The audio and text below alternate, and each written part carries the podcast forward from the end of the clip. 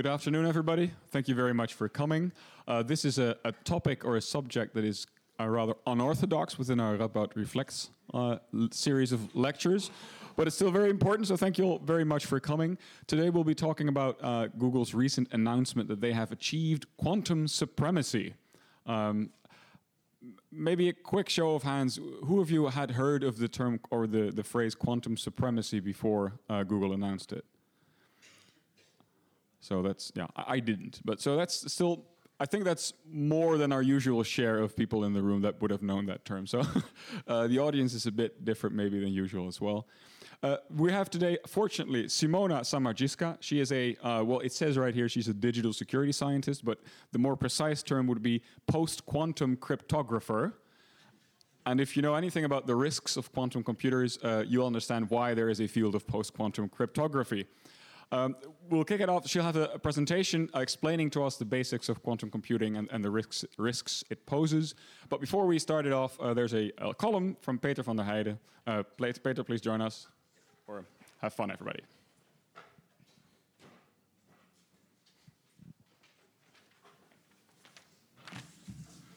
Well, Radboud Reflects, congratulations, you did it. You organized a current affairs lecture about a topic that I know really nothing about. that did, did that stop me from saying yes to your invitation? No, of course it didn't. I wouldn't be standing here if it did, would I? Writing and reading columns is a substantial part of how I make my living. As we would say in Dutch, it's my verdienmodel. So here I am talking about um, quantum computers. My mother would, would have been so proud. It's not that I never saw a computer in my life. I even wrote this column on one, and with some pride, I may say that I am and was an early adapter. As a student, I had the state of the art computer that the older people in the room, about my age, a bit younger maybe too, may remember a Commodore 64. Come to think of it, I may have even bought it in a store called Quantum. I was amazed about I was amazed about what that little paperless typewriter could do in theory. You could program some things in it, and then it did some things. At least that's what I heard, because I didn't have a clue about programming and only typed some lines the manual gave as an example. And didn't understand why it wasn't working out because, with my limited brain, I couldn't see which mistakes I made in my programming. It didn't lo uh, last long before I only used it as a game console, and a slow one at that, because programs were loaded into the internal memory, if it had any, by a cassette player. Even my hopes that I could connect it to my synthesizer turned out to shatter, mostly because my synthesizer playing never went further than lesson one, and the song Boer er ligt een kip in het water didn't do anything for me, rock band career wise. My Commodore 64 and my synthesizer, I have to confess, both pro- proved to be not my best investments. The good thing that came out of it was the revelation that if I wanted to be on a stage, which I desperately wanted, I had to do something else than playing synthesizer in a rock band. And here I am, your beloved columnist. This may be a bit of a long introduction to this column, but I think you really need to know where I am coming from to fully grasp the importance of my evaluation of this quantumy thing, I mean, this new supercomputer. It shouldn't come as a surprise by now, and it might be something of an understatement, but I will say it anyway.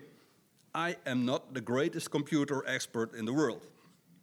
But, and here we go, if this new quantum computer is able to do the things a traditional computer never can do, let alone the human brain, how do we know that this new computer does it correctly? Isn't it all just a big hoax? Or, in modern speaking, fake news? I say quantum computer, quantum computer. And I invite you all to think about that while I go home and cash my new quantum paycheck. Thank you.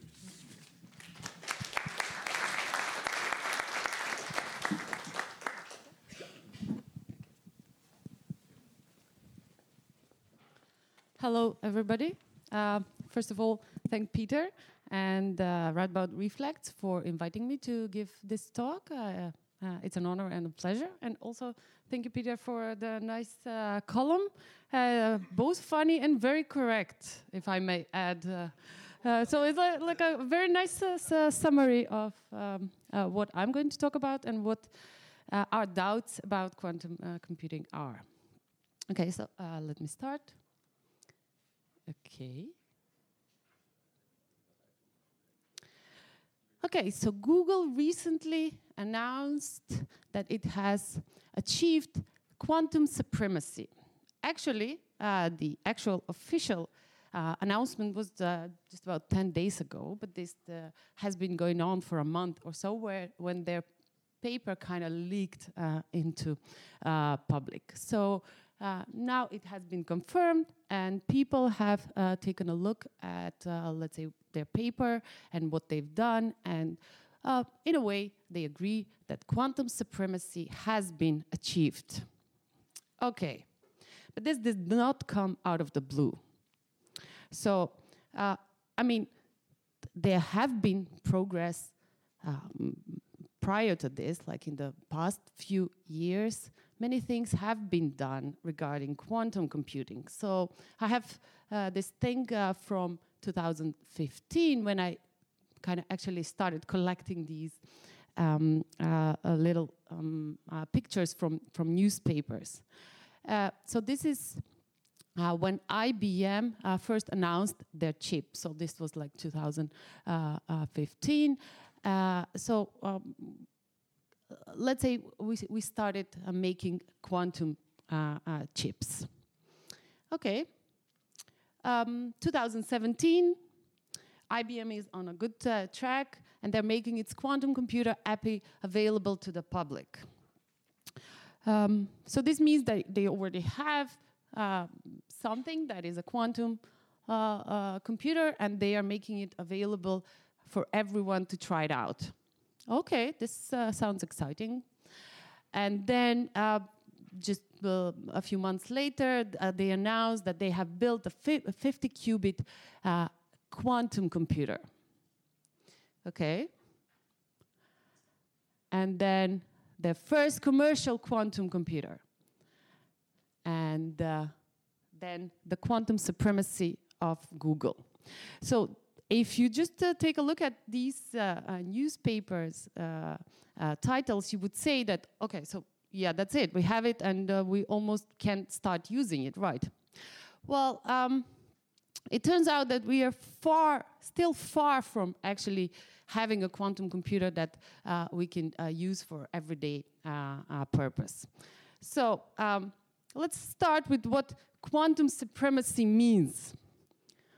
Well, showing experimentally that quantum computers are better than classical computers by performing a task that cannot be simulated on a classical computer. So, we have classical computers for, for quite a, uh, um, lo a, lot of time uh, uh, now, and we can do all sorts of uh, things on them. So we carry them in our pockets, uh, like we can play games, uh, do um, all sorts of important calculations. Uh, uh, but uh, the question is, um, uh, what are the limits of these uh, uh, computers? I will come back to the beginning of where this, this idea originated. but in simple terms, there are things that classical computers well, cannot do in a limited amount of time. That doesn't mean that they cannot do it if, if they have all the time uh, in the world. So uh, let's start with what a quantum computer is. So I still haven't, I still haven't uh, uh said uh, what it is or explained.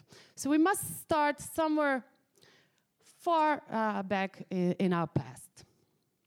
So already Turing in 1936 defined something that is known today as the Turing uh, machine. It was uh, later in the 70s um, uh, generalized a little bit uh, to a probabilistic uh, Turing machine by uh, Gill.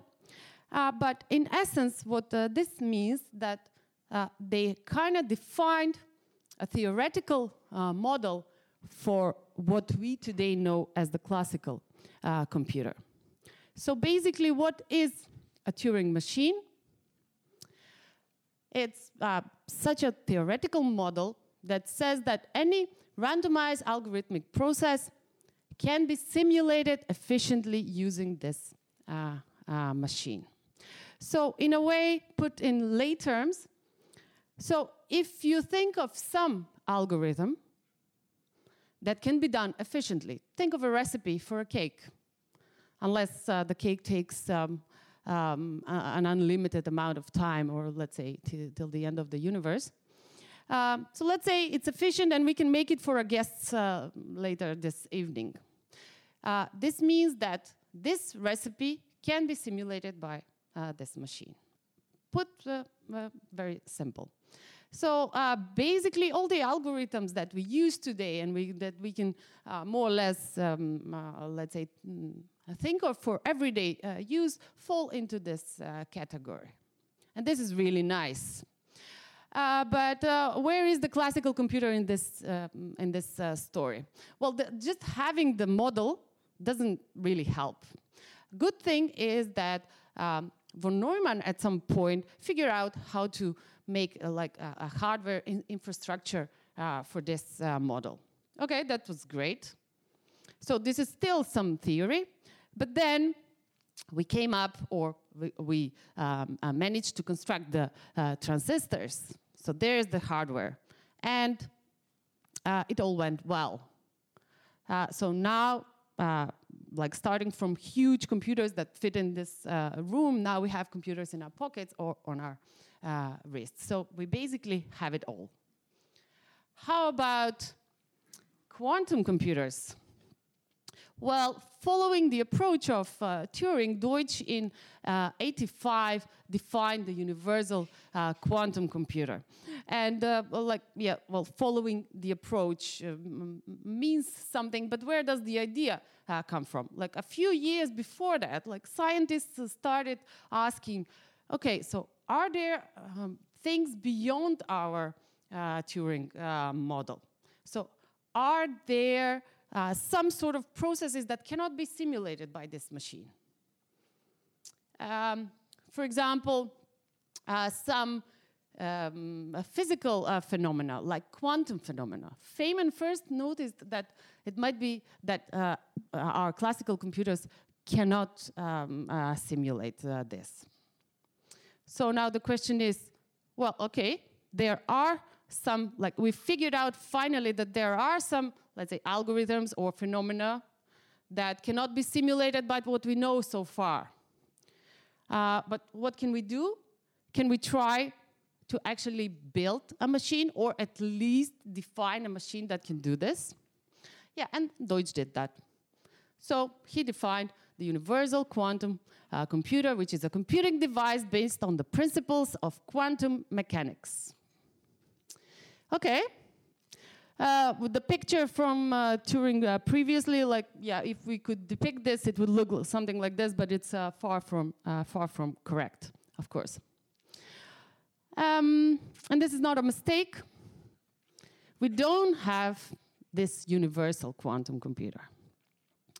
Uh, basically, this would be this would be um, a device that can be used for general purpose, uh, let's say, and um, uh, working with uh, all sorts of different algorithms based on the principles of quantum uh, mechanics.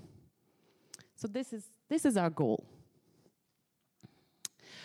Okay, so now we know what our goal is, but let's take a look at, um, well, how, what is the difference with this quantum computer? What does it mean um, to, to have a, a, computer based on the principles of quantum mechanics.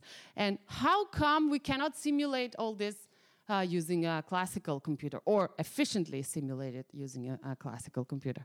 Well, we have to start from uh, the very core. And I will not uh, go into, um, I don't know, uh, um, uh, details and uh, too much math about how these things work. I will try to explain two uh, basic uh, things about uh, uh quantum computers and quantum computing, and uh, hopefully you will have the idea of what it's capable of. So, do you know what a bit is? It's the unit of information. It can be a zero or one, like a switch, on or off. So if we put uh, a bunch of uh, switches, let's say, or if we put it as a zero and one in a row, we uh, could encode uh, information. So this uh, string uh, here can be translated into something that we understand, um, um, for example, a program. Um, what about in the quantum world?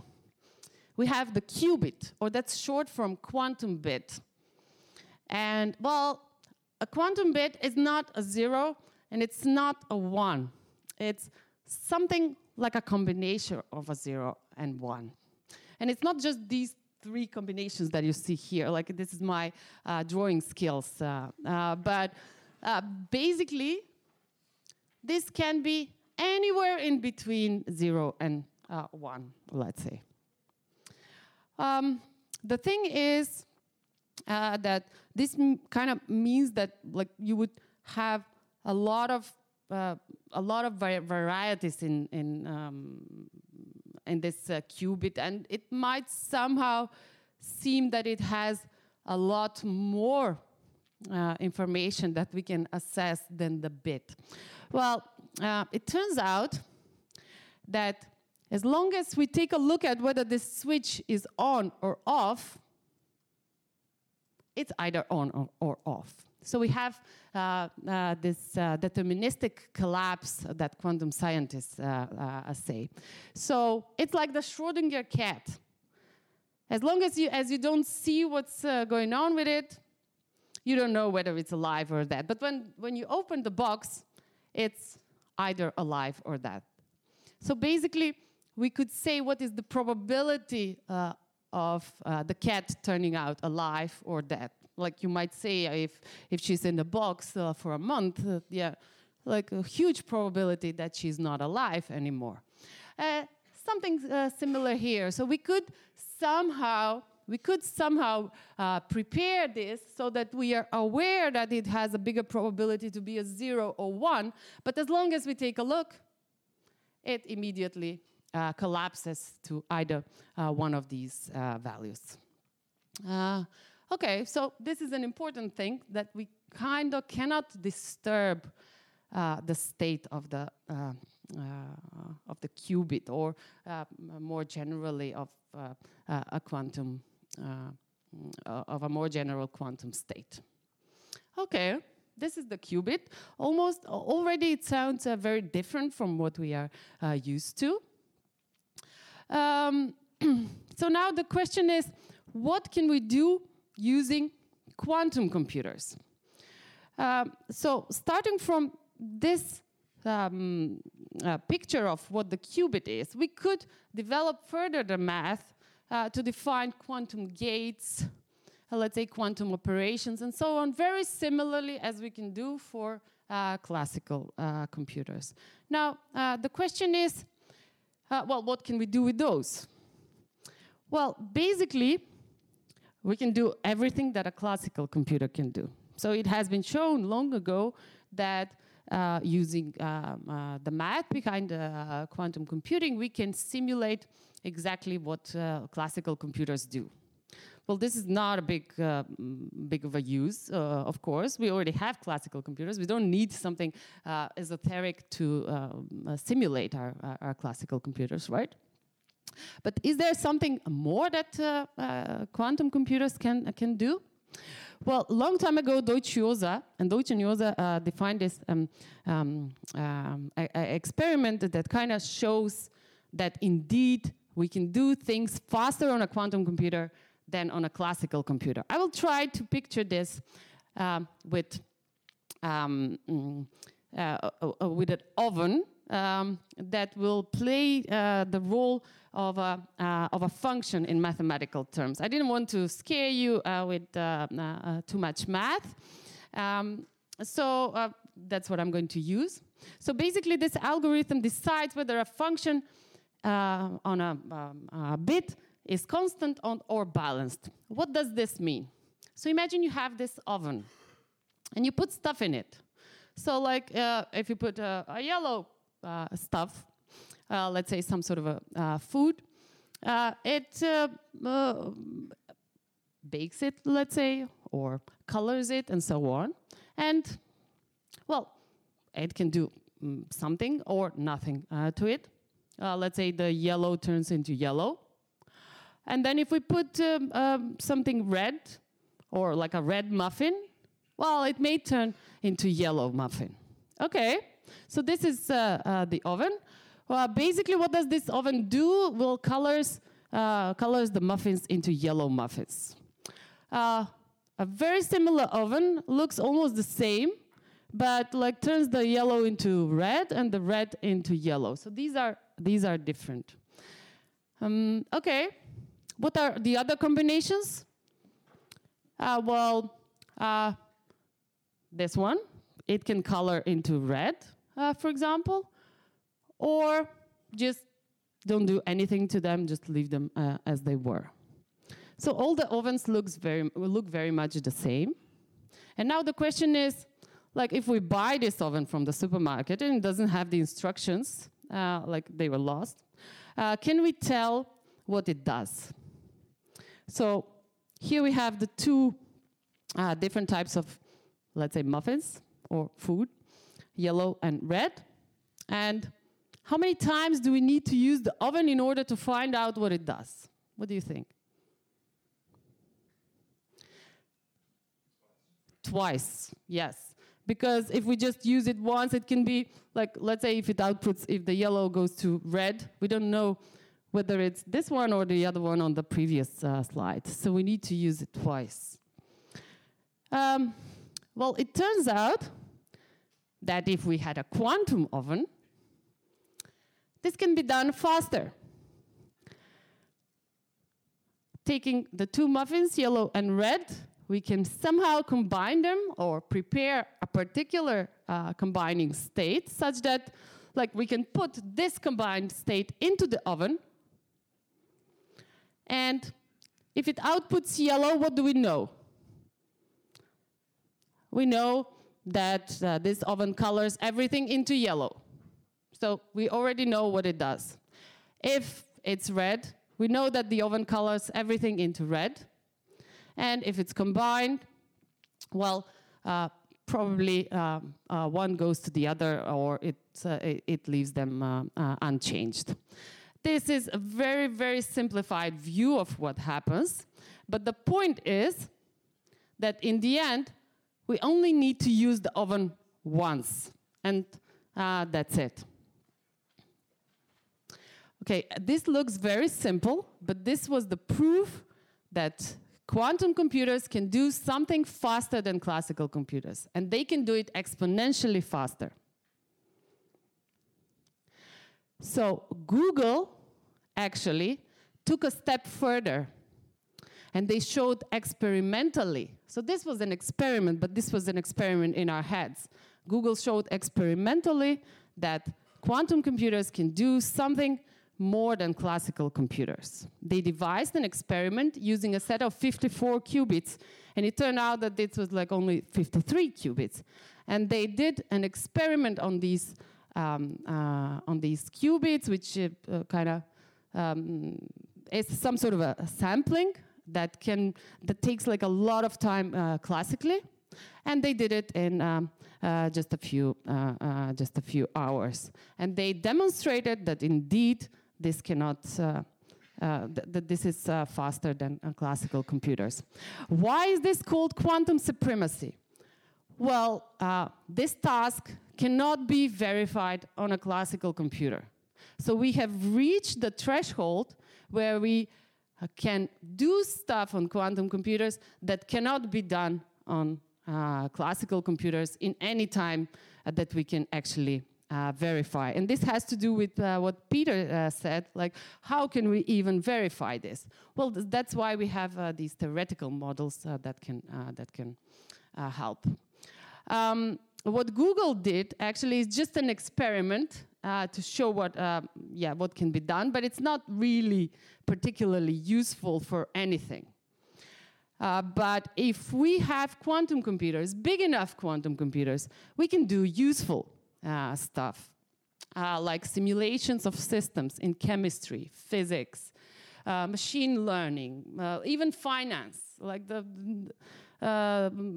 what we can do can yeah, we can even can imagine what uh, what can be done uh, with, uh, with, with such powers. Um, we can search for the best solution out of um, out of many different solutions because this can be done very fast.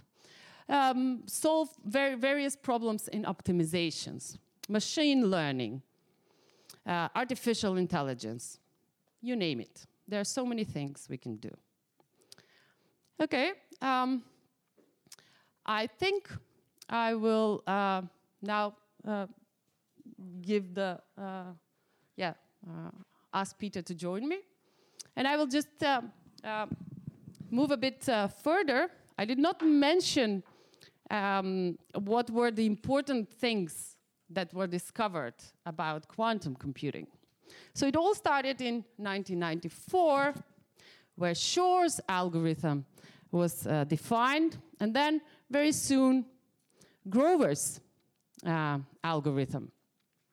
So the first one is a quantum algorithm for integer factorization, and the second one is searching an unsorted database.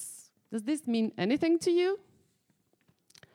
Uh, well, uh, I would say that mm, without, uh, let's say, knowing what's uh, going on today, this doesn't mean anything special. And it didn't mean to scientists either for a very long time. Okay. But it does mean something, right? Uh huh. Because um, thank you very much, Simona, for this um, amazing introduction. Thank you for the cake analogy and the, the muffins. Um, let's move into the real world consequences because these algorithms, as far as I understand, but you have to uh, correct me if I'm wrong, they're used in uh, cryptography nowadays. Uh, yes. Um, okay. Yes, um, uh, this is the case. Right. So, um, cryptography existed even in 1994. Uh, so uh, Shor's uh, algorithm did matter for a group of scientists, but very small group of scientists, uh, the cryptographers. And um, uh, why why did it matter? well, this algorithm says that we can efficiently in polynomial time solve the problem problem of integer factorization and discrete logarithm. So um, these two problems are actually underlying uh, the security of our uh, world today. Um, can you, so I imagine I use this security every day, right? So these are connections that we make to our friends and to our banks and to um, any website that we use that has a secure connection. All of these connections, or at least many of them, use algorithms like these and depend on them being difficult to crack. Uh, yes, uh, that is true. Uh, so um, these al these algorithms were invented in the um, in the 70s, and uh, the best classical uh, algorithms that we have to uh, solve these problems take a lot of time. So, like um, let's say exponential exponential time. So, for example, if you um, if you have some uh, some key that is long enough, or think of it as a password long enough, then it would uh, um, uh, take a classical computer years and years and years. Maybe the the the the Earth will not exist then until uh, until it can uh, break it. So kind of. Okay, so I want to leave room for questions from the audience. So I'm I'm gonna skip ahead a little bit uh, and say that, of course, this this is an issue, uh, and something that you told me uh, stuck with me is very uh, frightening thought. Actually, that you said that once quantum computers become more mainstream, encryption like this kind of dissolves. It, it, it, doesn't really do much anymore, right? And, th- and that's a and you can think, well, that's a problem for then, for a problem for once we have quantum computers. Uh, but you told me that there are certain uh, agencies like the NSA in America who are currently just keeping all of the encrypted data that we're sending now that they currently cannot decrypt. But as soon as they have a computer like this, then in, in retrospect, all of our current secure connections can still be opened up again. And, and, and you're currently working on standards for quantum. Um, so let's move on to the next part. You're working on standards for quantum encryption that are safe from quantum uh, computers. Uh, yeah, yeah Oh. like a, slight, a little bit slightly uh, different. I'm working on post-quantum uh, cryptography, and I will I will uh, uh, come come to that. So, like first, let's uh, let's stick to, to to the agency being able to uh, decrypt uh, uh, uh, decrypt Should I be scared? uh, uh, well, uh, probably yes, and um, maybe maybe not. Uh, like um, It's like a quantum state. yeah, it's like a it's like a quantum state. Well, the the, the problem is that um, today we really depend on uh, our digital uh, communication. So here I have some uh, um, some numbers that like this was a, a more than a year ago that uh, the number of internet users has reached 4 billion uh, this is not insignificant, uh, taking into account that uh, basically today we do everything over the internet. We shop, we um, uh, like uh, do our um, finance, our um, let's say our medical records are somewhere there. Um, in the cloud. So all sorts of uh, all sorts of uh, personal data. And think of uh, being an activist, for example, and uh, um, for example, um, uh, trying to yeah to. to to leak uh, some sort of a yeah uh, important information or to um, um, yeah I don't know to be a, a whistleblower or something like that. So it's it's important. Sometimes it's important to have our communication uh, secure. Even as normal people, we, we- wouldn't like someone to be able to um, uh, to know what we are talking about, and that's why we want to encrypt stuff. And let alone our money in the bank that we do internet ba- banking online. So uh, the but the but thing there is, is there is such a thing as post quantum cryptography. uh, yes, yes, there is. So is there hope for the future? Uh, uh, yes, uh, there is uh, hope. I can, uh, um, yeah, I will show you the slide. Uh, um, yeah, okay, I can do that now. Uh, where, okay. Mm, yes, this is uh, this is the slide, and this is our uh, situation currently. So this is Alice and Bob are the two uh, normal um, uh, parties usually that communicate, and they have mobile phones in their uh, pockets. So they have classical uh, computers. So uh, if we have this uh, mm, adversary here, perhaps the NSA, that has money to buy a quantum computer, that doesn't mean that poor Alice and Bob will have money to buy quantum computers. So they have to use their classical computers. So this is where qu- post-quantum cryptography comes into uh, comes into play. Uh, so post-quantum crypto tries to build cryptography that is classical, like a classical algorithm, like the ones that we used so far, but not uh, to be uh, breakable even on a quantum computer. So this this sounds a bit uh, maybe a bit weird, but there are actually problems that um, are difficult or are believed to be difficult on quantum computers. Otherwise, if if they're not, then like all our understanding of uh, complexity will fall apart. So it's very likely that uh, this is the case.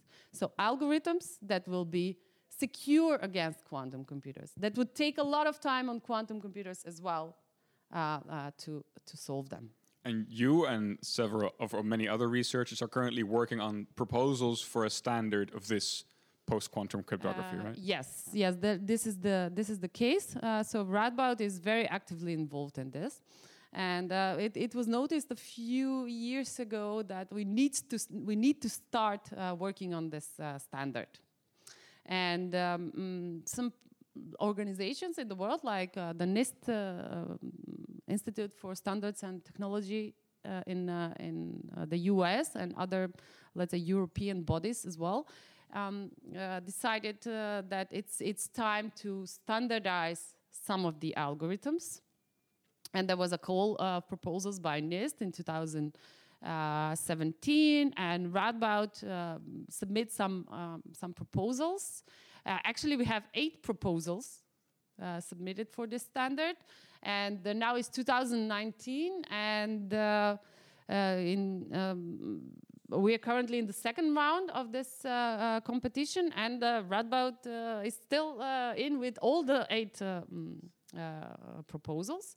So if we we don't get the standard, that yeah, like we will be the biggest losers. but I think, yeah, I think that we stand a pretty good pretty good chance to to to have the standard. yeah. Okay, so so ballpark. When is this standard going to be implemented in my phone? Ooh. Oh, that's a good question. Um, and that's the question that actually frightens us all because uh, while we are in the process of figuring this out, and then, well, this will take a few more years.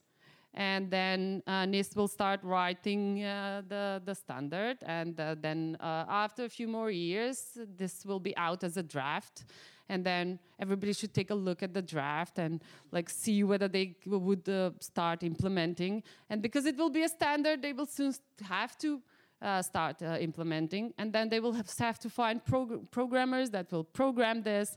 And then all the banks uh, all the websites and everything all the protocols should implement this. And i got tired and this will take a lot of years. Um, and that's for sure. And uh, the question is whether